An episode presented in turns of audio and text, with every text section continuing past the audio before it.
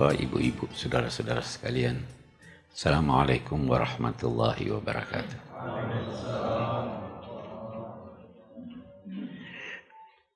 Malam ini kita akan melanjutkan atau kita akan memilih topik baru dalam rangka atau dalam rangkaian penjelasan kita tentang rukun-rukun Islam. Kita sudah bicara syahadat, salat, puasa, zakat. Kali ini kita akan bicara tentang haji. Haji. Biasanya dalam bahasan-bahasan ilmiah, katakanlah, uraian menyangkut sesuatu dimulai dengan menjelaskan arti kebahasaannya. Haji, al-hajju. Apa arti kebahasaannya? Hajja ya hujju.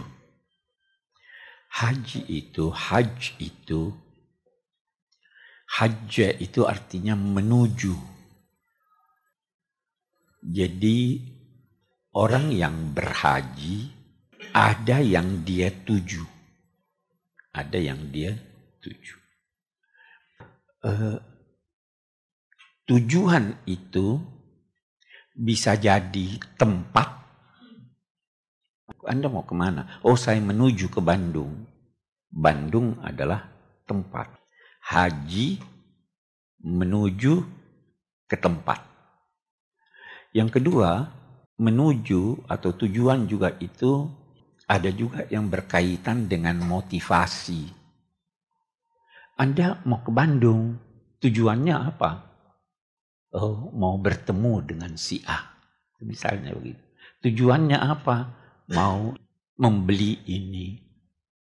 Kedua makna ini, tempat dan motivasi, itu ada pada haji yang disyariatkan. Haji itu adalah perjalanan menuju ke nah, tujuan tempatnya nih ke Baitullahil Haram dan sekitarnya menuju ke Mekah dan sekitarnya. Medina itu jauh dari Mekah. Itu bukan haji ke sana orang pergi haji tidak ke Madinah, sah hajinya. Tetapi dia harus ke Mekah dan sekitarnya. Sekitarnya itu apa? Itu ada Mina, ada Muzdalifah, ada Arafah. Tetapi menuju ke sana ada cara dan ada waktunya. Kalau haji kecil tidak ada waktunya. Kapan saja boleh. Haji kecil itu umrah. Nah, kalau haji besar, istilah Al-Quran Al-Hajjul Akbar, istilah di Indonesia biasa haji akbar itu lain lagi. Dikatakan haji akbar itu kalau di Indonesia haji yang wukufnya hari Jumat. Nah, itu bukan haji akbar. Baik. Kalau haji yang besar itu Mekah dan sekitarnya itu ada waktunya, ada tempat-tempat tertentu, harus wukuf di Arafah, melontar di Mina, dan seterusnya tawaf di Ka'bah dan lain-lain sebagainya. Tujuan yang kedua, motivasi. Motivasinya harus lillahi ta'ala. Itu baru haji. Kalau pergi ke Mekah pada bulan haji, wukuf di Arafah tanggal 9 Zulhijjah, melontar tanggal 10, 11, 12. Tawaf ifadah, tetapi bukan tujuannya karena Allah tidak dinamai haji. Nah, itu haji. Jadi kita bicara ini dari dari segi bahasa haji tujuan itu ada tujuan tempat, ada tujuan motivasi. Itu satu dari segi bahasa. Kita lihat lebih jauh. haji diwajibkan diwajibkan di Medina. Ada yang berkata diwajibkan pada tahun kelima hijrah. Ada yang berkata pada tahun ke-6 hijrah. Ada yang berkata pada tahun ke-9 hijrah. Ayat yang mewajibkan itu adalah firman Allah walillahi 'alan nasi hajjul bait man istata'a ilaihi sabila. Nah, kita berhenti sejenak. Nabi haji tahun ke-10 hijrah. Di sini ada bahasan hukum. Apakah orang yang mampu haji? Katakanlah tahun ini mampu haji. Dia harus haji pada tahun dia mampu juga atau tidak? Tidak. Bagus, tidak. Kenapa tidak? Ada Imam Malik berkata lil faur, harus segera. Imam Syafi'i berkata tidak. Dia katakan buktinya tidak. Kalaupun kita berkata haji itu baru diwajibkan tahun ke-9, Nabi belum haji. Nabi menangguhkan sampai tahun ke-10. Jadi berarti bisa ditangguhkan itu haji. Walaupun Anda sudah mampu, Anda bisa menangguhkannya kalau Anda menduga bahwa tahun depan Anda lebih siap untuk haji. Ya kan? Oke. Baru ingat. Eh, menarik itu ayat. Menarik itu ayat. Haji rukun Islam. Tetapi kewajiban haji ini ditetapkan Tuhan dengan suatu redaksi yang berbeda dengan redaksi rukun Islam yang lain. Mari kita lihat. Syahadat, ya kan? Apa perintah Tuhan menyangkut syahadat? Fa'lam annahu la ilaha illallah. Ketahuilah. Jangan ikut-ikutan. Anda harus tahu bahwa dia Maha Esa. Tahu ya? Kita kita baca salat apa? Aqimus salat. Laksanakanlah salat secara bersinambung, secara sempurna. Itu aqimu. Puasa. Kutiba alaikumus siyam. Diwajibkan kepada kamu puasa. Ya kan? Zakat. Atuz zakat. Haji Empat yang lain ini tidak digarisbawahi lillah. Walaupun wajib lillah kan, salat kan wajib karena Allah juga. Tetapi dia tidak garis bawahi. Kalau haji apa? Walillahi ala nas. Nah ini tadi tujuan nih. Dia garis bawahi. Wa atimul hajja wal umrata lillah lagi. Menarik. Saya sering kalau di dalam ceramah-ceramah eh, haji mau mengantar haji itu saya berkata begini. Niat ini harus diluruskan sebelum haji. Godaannya banyak. Kalau sekarang saya katakan Anda mau haji, sekarang belum lurus, masih ditoleransi. Ya kan? Naik pesawat belum lurus, masih ditoleransi. Sampai di airport Jeddah belum lurus, masih ditoleransi. Begitu pakai pakaian ihram dan niat untuk haji, harus sudah lurus. Kalau tidak lurus, tidak usah pergi. Karena sudah tidak lillah. Dia garis, walillahi. Karena Allah. Ada orang pergi haji, biar dapat nama haji ya. Mau jalan-jalan, mau ini. Tidak.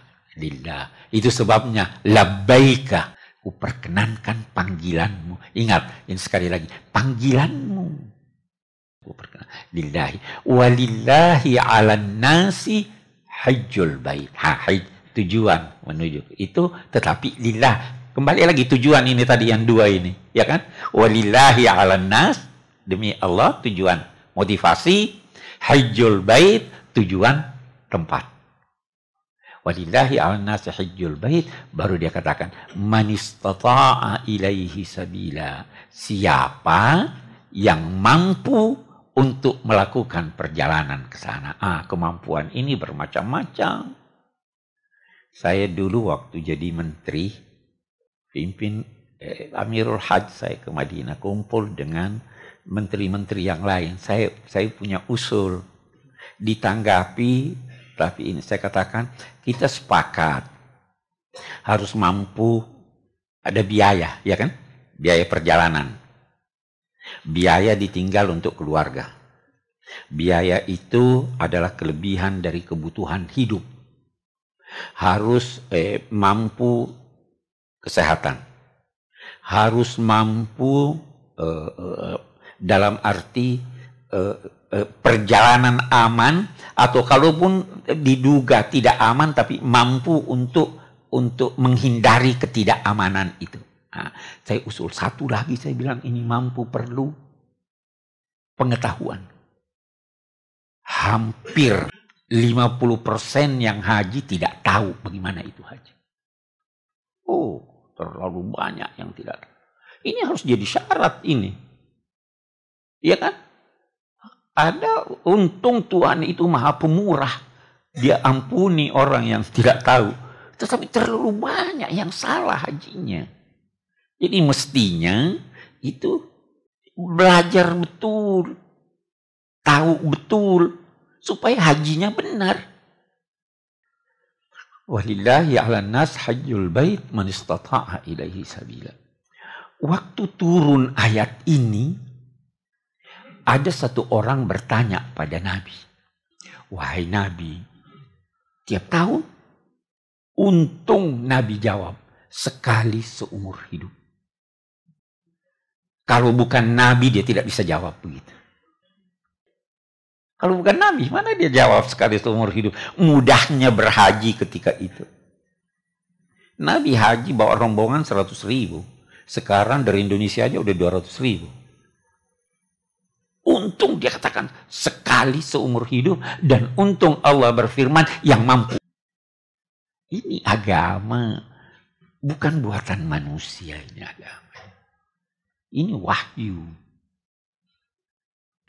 Haji itu wajib. Umrah umumnya ulama berkata wajib. Kita lihat kondisi kita sekarang. Sekarang ini banyak orang yang belum wajib haji mau haji. Ya kan? Dan dibuka kesempatan buat mereka itu untuk mendaftarkan diri sebagai calon haji sehingga antriannya saya dengar sampai 9 tahun sekarang baru bisa. Ini saya sudah sudah sering kali berkata ini harus dicegah. Ada orang utang pergi haji. Ya kan? Tidak wajib Anda haji. Ada yang mau haji sudah mampu tidak bisa haji karena nunggu antrian. Ada bank-bank talangan haji ya? Enggak ada itu talangan haji. Saya sudah berapa kali menghimbau, jangan ada kalau mau tabungan haji. Jangan talangan haji. Ditalangi di, di, di, di dia bayar eh, 2 juta setengah, dibantu oleh bank dibayar 25 ribu, terdaftar eh, 25 juta, terdaftarlah dia. Ya, dia belum punya duit tuh. Yang lain sudah siap uangnya, anda, anda terlambat daftar. Ini ala kulehal sampai ini ada perbaikan, eh, yang tidak dapat kuota tidak wajib haji, tidak mampu. Dia mampu duitnya, mampu sehatnya, mampu pengetahuannya, tapi mau haji tidak bisa. Nah, jadi saya biasa kalau ditanya, bagaimana nih Pak Polres kita mau haji tapi tidak bisa. Saya katakan, eh Anda umrah. Karena umrah juga wajib. Oke, kita kembali kepada kita punya persoalan. Jadi ini haji. Wajib bagi yang mampu. Yang mampu adalah memiliki kelebihan dari kebutuhan hidupnya dan hidup orang-orang yang ditanggungnya. Karena itu tidak boleh jual rumah. Oh, rumah kok mau dijual? Kalau punya sawah banyak boleh deh jual satu sawahnya ya. Jual rumah, apalagi ngutang. Aduh, tidak ada. Tidak wajib, agama ini mudah kok. Tuhan tidak wajibkan. Oke, kita kembali kepada persoalan kita. Haji. Eh, saya tidak akan bicara tentang eh, rukun dan syarat-syarat haji. Saya hanya ingin bicara satu eh, masalah. Haji ini adalah ibadah hati dan badan. Tidak ada bacaan wajib dalam haji. Tidak ada bacaan wajib. Yang ada cuma badan Anda harus berada di suatu tempat tertentu, harus bergerak di tempat-tempat tertentu dengan cara tertentu, plus niat Anda. Itu aja. Nah ini lagi juga kita perlu luruskan ini.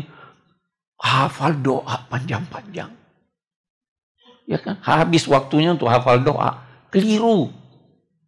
Nabi paling banyak baca doa itu itu doa Rabbana atina fid dunya hasanah fil akhir. Itu sudah segalanya Anda dapat di situ. Itu aja, segalanya. Rabbana atina fid dunya hasanah wa fil akhirati hasanah wa qina adzabannar itu itulah doa Nabi yang paling banyak beliau baca waktu haji dan di luar haji. Pernah sekali ada sahabat Nabi Anas bin Malik ada orang mintakan dia doa, dia minta doakan saya. Jadi dia doakan Rabbana atina fid dunya hasanah. Amin. Cuma itu. Loh, apa lagi kamu mau lebih dari itu? Semua sudah ada di situ. Itu aja diulang-ulang. Nah, jadi saya kembali, dia ibadah hati dan badan. Eh, itu sekali lagi saya katakan itu eh, sebabnya kita tidak dibebani dengan bacaan-bacaan tertentu. Salat ada wajib bacaannya, ya kan? Ini gerak Anda, gerak Anda itu harus melambangkan sesuatu itu yang ditanamkan di dalam hati dan apa yang Anda lakukan itu demi karena Allah. Itu itu haji.